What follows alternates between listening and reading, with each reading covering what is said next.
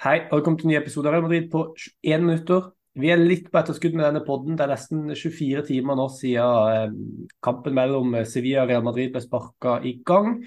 Eh, men nå er vi her og, om, eh, og skal prate om denne, denne, matchen, da. Det endte jo til slutt 1-1 i Sevilla, som var Real Madrids andre poengtap for sesongen. Eh, og Det gjør jo da at eh, Barcelona kan komme litt nærmere Real Madrid med, med en seier eh, nå i kveld.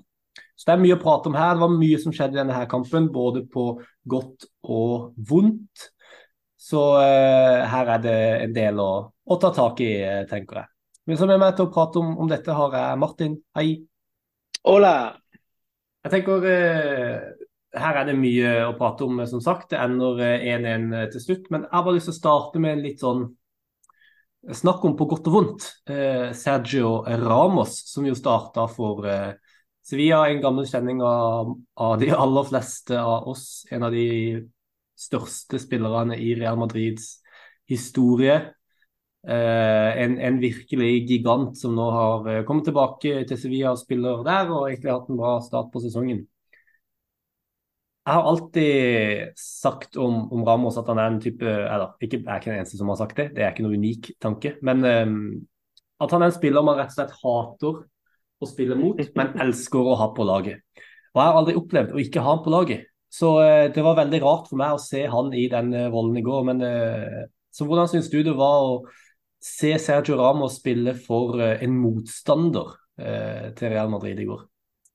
Nei, det var, det var, ekstremt rart. Alle som kjenner meg veldig godt, vet at Sergio Ramos er kanskje den Real Madrid-spilleren som står mitt hjerte nærmest eh, når det kommer til hva jeg har opplevd med Real Madrid og, og alle typer ting. Så det å se han spille mot Real Madrid, det var veldig veldig spesielt. Eh, han var jo til og med nærme på å avgjøre det hele på slutten. Det hadde vært eh, toppen av kaka, for å si på den måten.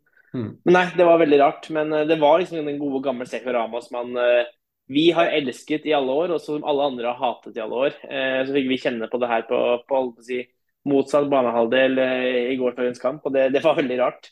Mm. Eh, men jeg syns at Antonio Rudiger gjorde en god jobb med å prøve å holde på å si, temme Ramos i, i luftrommet. Og så var det måte egentlig veldig godt å se. Altså, Ramos var et godt, gammelt slag, det må jeg si. Ja, det, Men, nei, det var veldig rart. Ja, absolutt. Det, det er noe med disse her kampene når det er, det er, varmt i lufta, det er i Sevilla. Eh, det er litt temperatur også på banen. Det er jo da Ramos var på en måte på sitt beste og sitt verste som Real Madrid-spiller. Han hadde jo disse øyeblikkene i Real Madrid-drakt også, hvor han kunne gå til en motspiller og klemme han i kinnene og få han til å, til å smile på nesten et sånn joker-vis. Så eh, dette var en kamp som var skapt for Sergio Ramos i mine øyne ingen eh, Altså, han tok ikke høyde for at det var Real Madrid han spilte mot. Eh, han la ingen hemninger eh, i, i, i, hans spillemåte eller måten han oppfører seg på banen, og det syns jeg var helt riktig. Eh, han skal mm. selvfølgelig gjøre det beste for at hans lag skal, skal vinne, og det, det, gjorde han. Jeg synes det var litt kjipt å se han dytte på Venicius og skape en del situasjoner ut av det. Det var kanskje det eneste, men ja, det var bare kjipt at han gjorde det mot Real Madrid og ikke for Real Madrid. Men det er veldig interessant det du sier om Rudiger også, for han er jo på en måte Real Madrids nye Ramos når det kommer til kaos og kødding og dytting og oppildning av motstandere og sånn. Han er jo det. Eh, ja, ja, ja. Og når du fikk se de mot hverandre brake sammen der, det var, det var litt rart å se. altså, det var det. Men eh, også, også veldig gøy. Ramos for øvrig en, en, god kamp, vil jeg si. Hadde jo en eh, livsreddende redning eh, i første omgang. Eh, en, en, klarering hvor Alaba mest sannsynlig hadde sendt Real Madrid i føringa hvis ikke han sto der. Så absolutt en god kamp fra, fra Ramos. Jeg bare tenkte det var et uh, litt hyggeligere sted å begynne enn alle de andre tingene vi skal prate om framover. Er det så mye, jeg tenkte Kanskje vi kunne starte litt med å prate om laget. For det var jo Rodrigo som var tilbake i eh, elveren over eh, Roselu. De to har jo bytta litt på nå etter at Venezia har vært tilbake. Han er jo benkers, og så har eh, Roselu og, og Rodrigo bytta litt på å være den siste eh, spissen. Er det noe med dette laget du syns var, var, rart, eller noe du beit deg merke i? eller noe som var skuffende, eller et eller annet sånt? Nei, ikke egentlig. Jeg syns egentlig det var godt å se at uh, Rodrigo fikk sjansen igjen. For han har uh, hatt litt sånn, ja, hva skal man si. Eh, da, da butta litt imot han i sesongstarten. Mm. Han havna veldig i skyggen av Venicius på alle mulige måter. og Når Venicius var skada, heller ikke klarte å ta opp en hanske helt. så han var veldig tydelig på det før landslagspausen, at liksom, nå er ting rett og slett litt tøft og vanskelig. Og At han da mm. får sjansen, det syns jeg er bra. og jeg, jeg tror egentlig påstå at den største overraskelsen jeg hadde, det var egentlig at Federico Averde, Venicius og Rodrigo alle sammen starta kampen. Med mm. tanke på hvor langt de har reist i landslagspausen. Men uh, foruten det fra et rent taktisk perspektiv, så var det ikke noen sånne store, store sjokk. Nei, det er jo eh, verdt å bite seg merke i at eh, Mendy starta på venstre back.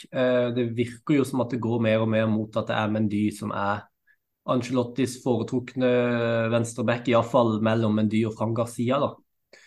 Uh, at det har endra seg litt. Kanskje det var av nødvendighet kun at Fangasia altså Han starta sesongen fordi at Mendy var skada, men at, han, uh, at det var grunnen. At det rett og slett kun var fordi at Mendy var, var skada. For nå er han tilbake i laget. Jeg må ikke si at han, jeg syns han gjorde noe særlig dårlig jobb uh, i går. Uh, egentlig ganske solid defensivt, men det er jo de offensive bidragene man, man savner veldig fra Mendy. Det har det alltid vært. Det var det i mm. går også, særlig i dette systemet Real Madrid spiller nå. Men uh, defensivt ganske solid uh, igjen, vil jeg si, uh, fra Mendy. Så det mye, har vært mye negativitet om Real Madrids venstreback, men jeg vil bare trekke fram det at jeg syns Mendy var god defensivt i går. Som er litt verdt å, verdt å nevne. for utover det så er det, det er en forventa startelver. Veldig fan av Tony Cross sammen med Bellingham, Chouameni og, og Valverde. Det er midtbane jeg syns fungerer kjempebra. Jeg syns egentlig ikke at prestasjonen i går nødvendigvis er på bekostning av de elleve som starter, hvis uh, det gir mening. Uh, jeg tror ikke at en annen sammensetning av elleve spillere hadde gjort noe bedre utpå der enn det de elleve som starta, gjorde. Og det var mange andre ting som påvirka her. og det var vi skal komme inn på det eh, etter hvert. Så jeg syns på en måte alt i alt at prestasjonen til Real Madrid i går er godkjent. Helt enig. For eh, de skaper mye sjanser. Eh, allerede etter bare noen få minutter så hadde jo Valverde satt ballen i mål. Det er godt mulig at det kunne blitt et Ramos eh, selvmål, har jeg sett. Men eh, iallfall uh, det ble annullert for offside. Det var vel ikke noe tvil om. Uh, den var offside, rett og slett. men så er det en del situasjoner som oppstår etter hvert. For det er ikke lenge etter at Real Madrid nok en gang har uh, skåra, men da er det blåst i en situasjon tidligere her. Og dette er jo en, den situasjonen som har blitt diskutert mest etter denne kampen. Det er en dommer Real Madrid har et dårlig forhold til fra før. Eh, som nok en gang blir eh, dekker, altså Han tar overskriftene etter denne kampen igjen. Vi har prøvd å holde oss litt sånn unna dommerprat som regel. Vi prøver å fokusere på det taktiske og hva som gikk galt. Men akkurat i dag så syns jeg det er litt vanskelig å unngå å prate om, om dommeren. Litt fordi at det er en gjenganger med akkurat denne, eh, denne dommeren. Hva syns du om den situasjonen hvor Jude Bellingham sitt mål ikke, altså Det er ikke det at det blir annullert, det var jo aldri en situasjon i utgangspunktet. Fordi at eh, Lucas Campos eh, legger seg ned og får fryktelig vondt i, i, ryggen sin. Og så vinker jo først dommeren han opp, og så går Real Madrid på kontring, og så blåser han i det Real Madrid starter kontringa. Hva syns du om denne, denne situasjonen sånn totalt sett? Altså Den situasjonen der kan egentlig bare beskrives på en måte, og det er eh, skoleeksempel i hva som er worst practice når det kommer til kampledelse. Det er egentlig eneste måten man kan beskrive det på. Eh, du sier selv, Kristian, vi pleier egentlig ikke å la oss kalle det fange opp av dommersnakk. Eh, jeg tror påstå at jeg er en av de som generelt sett snakker minst mellom dommerne. fordi selv om jeg har vært på et enormt lavt nivå, så er har dømt noen kamper, kamper i mitt liv og vet hvor vanskelig det faktisk er ute på den banen. Og det er sånn at, man, at sånne ting kan skje. Det, altså, det kan forekomme, herregud. Eh, men så er det litt denne måten med hvordan man da angriper en sånn negativ opplevelse i en senere i kampen, da, fra et dommerperspektiv.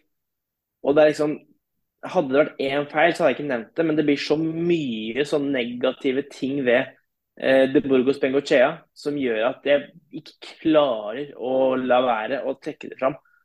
Fordi du har den situasjonen der, altså offsiden som kom først, det er jo ikke hans avgjørelse. så Det er jo greit. Det, det var, og det ser riktig ut, så ikke noe problem med det. Så har du den situasjonen der med Campos, og der er reglene glassklare. Eh, dommeren skal stoppe spillet hvis han mener det er eh, hodeskade. Eh, eventuelt om spilleren er alvorlig skada, så kan han stoppe spillet. Men man ser jo nå at terskelen for denne alvorlig skada blir høyere og høyere, at man oftest ikke blåser. og Så lar man spillet gå. og Hvis det f.eks. har vært en forseelse, så vil jo man da via VAR gå tilbake og rette opp i det. og godt hende den skåringen til Real Madrid eventuelt da hadde blitt annullert. Jeg tror ikke det, men det hadde måttet vært den riktige måten å løse det her på. da. Mm. Eh, men så blir jo det, det, blir bare en sånn sammensatt ball av kaos. Eh, og det man egentlig merker fra og med den hendelsen her, er at De Burgos Bengochea han mister jo kontroll på kampen fullstendig. Eh, fordi når det kommer til den situasjonen med Ocampos, så, som du sier selv, Ocampos er jo inne igjen eh, 90 sekunder etterpå. Så at han var skada, det er ikke noe sjokk. Og ikke noe kritikk til han. fordi hadde det her vært eh, Vinicius Junior, som hadde hatt akkurat samme mulighet i akkurat samme situasjon, hvor han mister ballen og ser at han, man kan bli kontra på, så hadde han ligget nede og prøvd på samme. Men poenget er at det pleier ikke å funke. Mm. Og når da man egentlig ødelegger en så god Real Madrid-mulighet, som faktisk blir scoring, ved et såpass katastrofalt dommergrep, så setter det perspektivet for hele kampen. Og det, og det gjør sånn at nesten alle situasjoner du da får gjennom kampen etterpå, det blir da satt i perspektiv av det her, under lupe, og se hvordan, hvordan er det her. Og Jeg skal ikke nå fortsette ranten min inn i det uendelige, men jeg tenker egentlig at det beste eksempelet her er det nesten det siste som skjer i kampen. Det er når de får et frispark. For det første så, er, så velger De Burgo Tengoche å trekke det frisparket 2,5 meter lenger vekk fra der eh, forseelsen eh, skjedde. Det hadde man heller ikke tenkt over, hvis ikke vært for at det er alltid veldig mye småting med han som er negativt for Real Madrid. Mm. Eh, og for det andre, før Real Madrid velger å ta frisparket, hvor både Tony Cross og Dag Alaba står der, så står jo de og tre-fire ganger peker og sier jo, men se på muren. Du har tegna opp en, eh, en, linje med denne nydelige barberskummen din. Eh, og De velger å gå over den linja og gå nærmere og nærmere. nærmere. Ja, men noe må de gjøre. Og han bare vinker det bort. Og det er, altså Når du ikke engang har autoriteten til at spillerne respekterer hvor muren skal stå, altså da har du egentlig ikke noe for fotballbane å gjøre. Og Carl Ancelotti han er nok vesentlig mer livlig i kampens hete enn det vi kjenner ham fra, fra presserommet. Men jeg så nettopp en video hvor han er i fyr og flamme. Uh, hvor liksom det bor en Gochese kommer bort på han og klapper litt på skulderen og sier 'kompis, ta det med ro'. Og hvor han bare i, i ren frustrasjon bare sier 'ikke ta på meg'. Og det at man liksom får sånne reaksjoner fra Karl Ancelotti Han sa jo dette kampet i går om at sier jeg hva jeg egentlig mener om den dommerprestasjonen her, så får jeg utallige kamper i suspensjon. Og det syns jeg er uh, veldig trist og leit. Og så føler jeg også bare for å legge til at uh, det er veldig mye konspirasjonsteorier der ute nå om at hva sånne greier, og dommere er betalt, og De Burgos Bengochea Barcelona vinner flere kamper med han der Madrid gjør. Altså, alt det der driter egentlig jeg i. Poenget mitt er at jeg syns ikke De Burgos Bengochea er en god nok dommer til å dømme i La Liga. Mm. Uh, og det kan gå like mye utover Rayo Vallecano som det går for Real Madrid, men i går gikk det veldig mye utover Real Madrid, og det syns jeg var veldig kjedelig å se på. Ja, og det er jeg helt enig med deg. Jeg, jeg er helt enig i at man skal stille spørsmålstegn ved denne Barcelona og betale dommere-saken, men det er helt irrelevant i forhold til det som skjedde i går. Det er, det er, ikke noe sammenheng der. Han er bare ikke en god nok dommer, og han har ikke vært det på lenge. Det er noe vi har sett gang på gang på gang. Måten han har håndtert situasjoner tidligere. Jeg kjenner ikke til situasjoner fra andre kamper, for det er stort sett Real Madrid jeg følger med på. og følger meg opp i. Men mm. jeg husker, det var vel samme dommeren som ga dette røde kortet til Cristiano Ronaldo for å filme. Eh, Stemmer. Noe han overhodet ikke gjorde. Det er greit nok at det ikke var straffespark, men filming var det iallfall ikke. Eh, og som i tillegg da ga Ronaldo tre kampers karantene fordi at han puffa han eh, etterpå. Det var ikke han som ga den karantenen, men det var ganske tydelig i dommerprotokollen etterpå hva han mente om det. Dette er en som aldri har, nei, en, en dommer som aldri har hatt kontroll på kamper, aldri har hatt kontroll på situasjoner. Eh, og nå har jeg merka at det ofte går utover Real Madrid, for det er, sånn følger, det er det jeg følger mest med på. Og Det er veldig synd at vi sitter her og prater om at en dommer er dårlig, for det burde ikke være sånn når man prater om toppdommere i, i spansk fotball, men akkurat han her har hatt, uh, har hatt mye problemer med, med, tidligere. og Det får meg liksom litt over på, på, neste tema, som jo er at om ikke jeg husker helt feil, så var det også han som dømte bortekampen mot Valencia i fjor. Det stemmer. Uh, hvor uh, det jo ble kaos. Real Madrid tapte den kampen til slutt. Han gjorde veldig mange rare dommeravgjørelser, men det var jo særlig dette her med de tingene som Venicius ble utsatt for i løpet av den kampen, som han ikke klarte å håndtere. Eh, og Det er problematisk når det begynner å gå utover en enkeltspiller på den måten, og du har en dommer som ikke er kapabel til å håndtere den situasjonen. Og det skjedde jo igjen i går. Eh, og det er, det er, nok en mørk dag i, i spansk fotball. Uh, at Venezis nok en gang ble utsatt for rasisme fra tribunen fra mennesker i alle aldre. Eh, og det er veldig dumt at man ikke har verken eh, et regelsett eller dommere som er kapable til å sette en stopper for det. Og jeg vet ikke om jeg har så mye mer å si enn det. Det er bare det er en sammenheng her mellom mangelen på handling kommer fra både regelverket og, og dommere i de situasjonene, spør du meg. Jeg vet ikke om du har noe å legge til, eller om du er enig? Eller? Jeg er helt enig. Det eneste jeg har å legge til, er, eh, og som jeg så vel at Venicius hadde påpekt det, eh, stor skryt til Sevilla for såpass ja. rask handling for å mm. kaste vedkommende av tribunen. Eh, og så er det jo egentlig enda et mørkere kapittel i spansk fotballs historie når jeg har sett denne videoen hvor det da er en jente som Hun er vel ti år gammel som driver med nøyaktig samme um, type hva kaller for noen bevegelser, gestikulasjoner, mm. uh, som denne mannen gjorde. Uh, og du kan ikke for mindre på samme måte. Og det viser jo egentlig veldig mye det her snakker om. Man snakker alltid, alltid om at altså man, er, uh, man er forbilder. unge barn de tar etter oss voksne uten å egentlig skjønne hva nødvendigvis ting betyr. hvis man tenker litt mer sånn spansk fotballkulturmessig. Det er ikke så veldig hyggelig å rope 'hijo de puta', men det er liksom, det er konsensus om at det, det, er liksom greit. Og at en jente på ti år det kan godt hende hun tolker det at eh, man gestikulerer apekattbevegelser mot en spiller som at det er likesinna med egentlig kall det banneord. Og Det viser egentlig bare hvilken vei man er på vei mot når man ikke klarer å få bukt med det problemet her med rasisme. Så eh, nei, mm. det var enormt trist å se, men jeg tror kanskje det var viktig å se for å få et bilde og et eksempel på at det er ikke bare tomsnakk når det kommer til det med at uh, disse rasistiske um, disse rasistiske hendelsene setter spor uh, på holdt på, holdt på på si på godt vondt. På bare vondt, men på vondt og verre.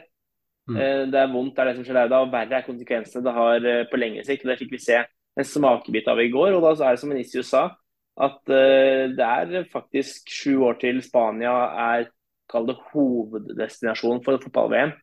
Uh, og det er klart Skal du liksom ha kall det rasismenasjonen uh, Spania som VM, hvis, måtte, hvis det inntrykket internasjonalt skal få sette seg, så ville det være enormt trist. Og Jeg så en annen video i går òg, hvor det var en annen Sevilla-supporter som på en måte Eh, han, jeg vet ikke om det var han som filma, men eh, poenget var når kampen var ferdig, så ropte han til Venicius om at Spania er ikke rasistisk. Ja, men Spania er ikke rasistisk. Som, som forbrilsk måte å skulle overtale Venicius. Og da så du Venicius bare så på han og bare rista på hodet. Eh, og det illustrerer veldig mye, fordi det er, det er, ingen som har sagt at det er hele landet som er rasistisk her, men det er litt den der eh, måten å ikke velge å se og anerkjenne og motarbeide de problemene som eksisterer, som er så ekstremt bekymringsverdig. Mm. Ja, det er som Venicius også skrev, skrev, i det innlegget han la ut i går. Dette er tiende gang han har meldt fra om dette på ja, en drøy sesong. Eh, det ser stygt ut for spansk fotball. Eh, for å være helt ærlig så ser det litt stygt ut for menneskeheten. At fotballspillere som skal være der og for å underholde oss. Det er et produkt vi drar og ser på fotballkamp. Vi liker å se på fotballkamp for å bli underholdt. Og at disse spillerne som er der for å underholde oss og spille den idretten vi elsker, blir utsatt for disse tingene. Det ser stygt ut for, for idretten. Um, og ikke minst at Venicius har måttet stå i dette så lenge, nærmest alene. Det gjør meg utrolig, utrolig vondt. Uh, jeg kjenner jeg blir litt sånn emosjonell nå, men uh, virkelig, altså Vi uh, må bare stå bak Venicius i, i, dette her. og Det ser ikke ut som det blir bedre med det første, men Venicius skal faen meg ha all, all honnør for den innsatsen han har gjort for å prøve å gjøre noe med dette problemet. uansett hvor alene han, han har måttet stå nå veldig lenge. Ja, jeg tror kanskje vi skal gå videre fra, fra det. Eh, vi har jo vært veldig klare på dette tidligere. og, og sånn. Vi har prata en del om det tidligere. Det har vært store debatter om, om dette blant større eh, aktører enn oss. Eh, så jeg tror kanskje vi, vi legger den, den, der. Men jeg syns iallfall det var virk, viktig at vi, vi prater litt om det og er tydelige på at, at, vi prater om det når det skjer. For det er faktisk viktig å ikke bare skyve det under teppet, tenker jeg. Mm. Skåringene det glemte vi jo oppi alt dette her. For det blir jo faktisk, det blir jo faktisk eh, to, det er to mål igjen i kampen. Real Madrid sto for begge. David Alaba med et selvmål, og så Carvahall i andre enden etterpå med et eh, hodestøt. Carvahall eh, Nei, eh, Alaba, uh, beklager. Kan vi klandre ham for det, det, selvmålet? Jeg så den i reprise mange ganger, og jeg var sånn Hvis ikke han tar han, så setter Enesyr den ballen i mål det er et hardt innlegg, det er et veldig godt innlegg. Det er sånn innlegg man får beskjed om, om, å slå når man er ung på trening. Står de hardt inn mellom eh, stopper og, og keeper, så blir det vanskelig. Ja, jeg, jeg, jeg, føler ikke at man kan klandre Alaba så særlig mye for, for det selvmålet. Jeg vet ikke hva du tenker? Jeg er enig. Eh, det er ikke noe sånn der, Man sier gjerne at den setter vi på kvota til Alaba eller kvota til Rydiger. Det er ikke en sånn scoring. Men jeg har et behov for å komme med et men her. Og det er at Jeg sitter altfor ofte med en følelse av at Alaba er den, man, den motstanderlaget ønsker å isolere. Ønsker at de ballene skal komme mot. Det er en grunn til at det er Alaba som kommer i duell med Nesyri og ikke Rudiger. Eh, det ønsker jeg bare å få nevnt. for jeg synes det er liksom ofte sånn derre Litt for ofte sitter jeg nettopp som vi sitter nå. sånn derre Det er ikke hans skyld, men det er, liksom, det er hans mann. Eh, og Det er litt sånn frustrerende, da, uten at jeg måtte har noe fasit og løsning på det her og nå. Ja. Jeg tror jo at av de, de to stopperne til Real Madrid, så er det Alaba som er målet for innleggene til motstanderne. Eh, det har det alltid vært. Det er kanskje hans svakhet som eh, forsvarsspiller. Det er dette med å ta ut riktig mann i boks. Han er ikke den høyeste midtstopperen i verden, så han har heller ikke den luftstyrken som andre stoppere har. Ofte så er han jo mindre enn mange av spissene han spiller mot. Og dette her med defensiv posisjonering og markering er jo kanskje hans uh, svakheter. Men akkurat den i går er på en måte ikke hans feil. Men jeg er enig med deg i at det er jo en trend her hvor det ofte er Alaba sin mann, om du vil, som, som skårer på innlegg. Uh, og så er det litt det man får, da. Man, for man ofrer litt med Alaba. Man får uh, det, kanskje den beste ballspillende stopperen i verden. Uh, men man mister litt defensivt da med å, med å, bruke han. Så det er på en måte man får litt, litt begge deler med, med Alaba. Men det er vanskelig å klandre han helt for, for det målet der, altså. Absolutt. Men Carvahall derimot, den skåringa er jo fantastisk. Han, uh, altså Snakk om Sergio Ramos. Den minner jo nesten litt om det, det hodestøtet til Ramos som vi alle har blitt så, så, så godt kjent med. og og sånn, Så det er en nydelig skåring. Også en redning på streken tidligere i kampen. Da er det riktignok han som gir bort ballen først, det vil jeg bare legge til. Absolutt. Det er en dårlig involvering av han i forkant. Men eh, gjør opp for det med en redning på, på streken, og også en flott skåring. Virkelig ja, en god start på sesongen altså fra Carvahall. Nå er det ikke bare fire kamper det er snakk om. Nå har han gjort dette her i flere måneder. Dette her er jo skikkelig bra av Carvahall, ikke jo, det er det. Eh, altså, når det kommer til spansk presse Real Madrid, så har man liksom alltid en running joke da, om at når man har forventa en signering, og den signeringen ikke dukker opp, så finner man en spiller fra skuffen som kanskje har slitt med skader, kanskje har underprestert, og så sier man El fichaje es. Og så er det vedkommende. Og i går så, så jeg da artikkelen hvor det var El fichaje es Dani Carvajal. Og jeg syns egentlig den var litt morsom, eh, fordi han har vært enormt god i sesongstarten. og det er sånn nå er vi inne, godt, godt, på vei inn i sesongen, så nå kan vi egentlig si at han har vært veldig god hittil i sesongen. Mm. Uh, og Vi satt jo skrek før sesongen på en ny høyrebekk, og da syns jeg det er rett og rimelig å si at nær sagt den nye høyrebekken man har fått, er en, eh, en nyrenovert Dani Carvahal. Og så føler jeg at det må nevnes noe ganske mange enten ikke vet eller ikke huska på i går, er at vi snakker faktisk om spilleren med navn Daniel Carvajal Ramos. Så det at mm. han skåra på hodet i går, er jo egentlig bare rett og rimelig. Ja, det var godt det var den Ramosen som skåret på hodet, ikke den andre. Yes. Det var ikke langt, eh, langt unna, altså. uh, utover det så vil jeg bare også veldig raskt før vi avslutter her, trekke fram uh, Kepa. Uh, som hadde et par fantastiske redninger som han ikke har no business med å redde. Så det var virkelig en god, god match også av Kepa i går viktig å få gi han litt positive opplevelser. For at han er en god skuddstopper, det er det ikke noe tvil om. Men han trenger selvtillit eh, for å være en god eh, bokskeeper eh, og generelt bare holde det nivået som, som, skal til. Så at han fikk en god opplevelse i går, det er jeg veldig glad for å se. Ja, kanskje det var nok for eh, i dag. Det har vært mye negativitet, mye fokus på utenomsportslige ting. Eh, det er dessverre noe vi har måttet gjøre mye de siste den siste sesongen pga. dette med, med Venicius da, og de, tingene, de, forferdelige tingene han blir uh, utsatt for regelmessig. Det er viktig at vi prater om det, for det er viktig, det, det må man gjøre for å få en slutt på det. Så da mm. blir det litt sånn uh, noen ganger. Rett og slett.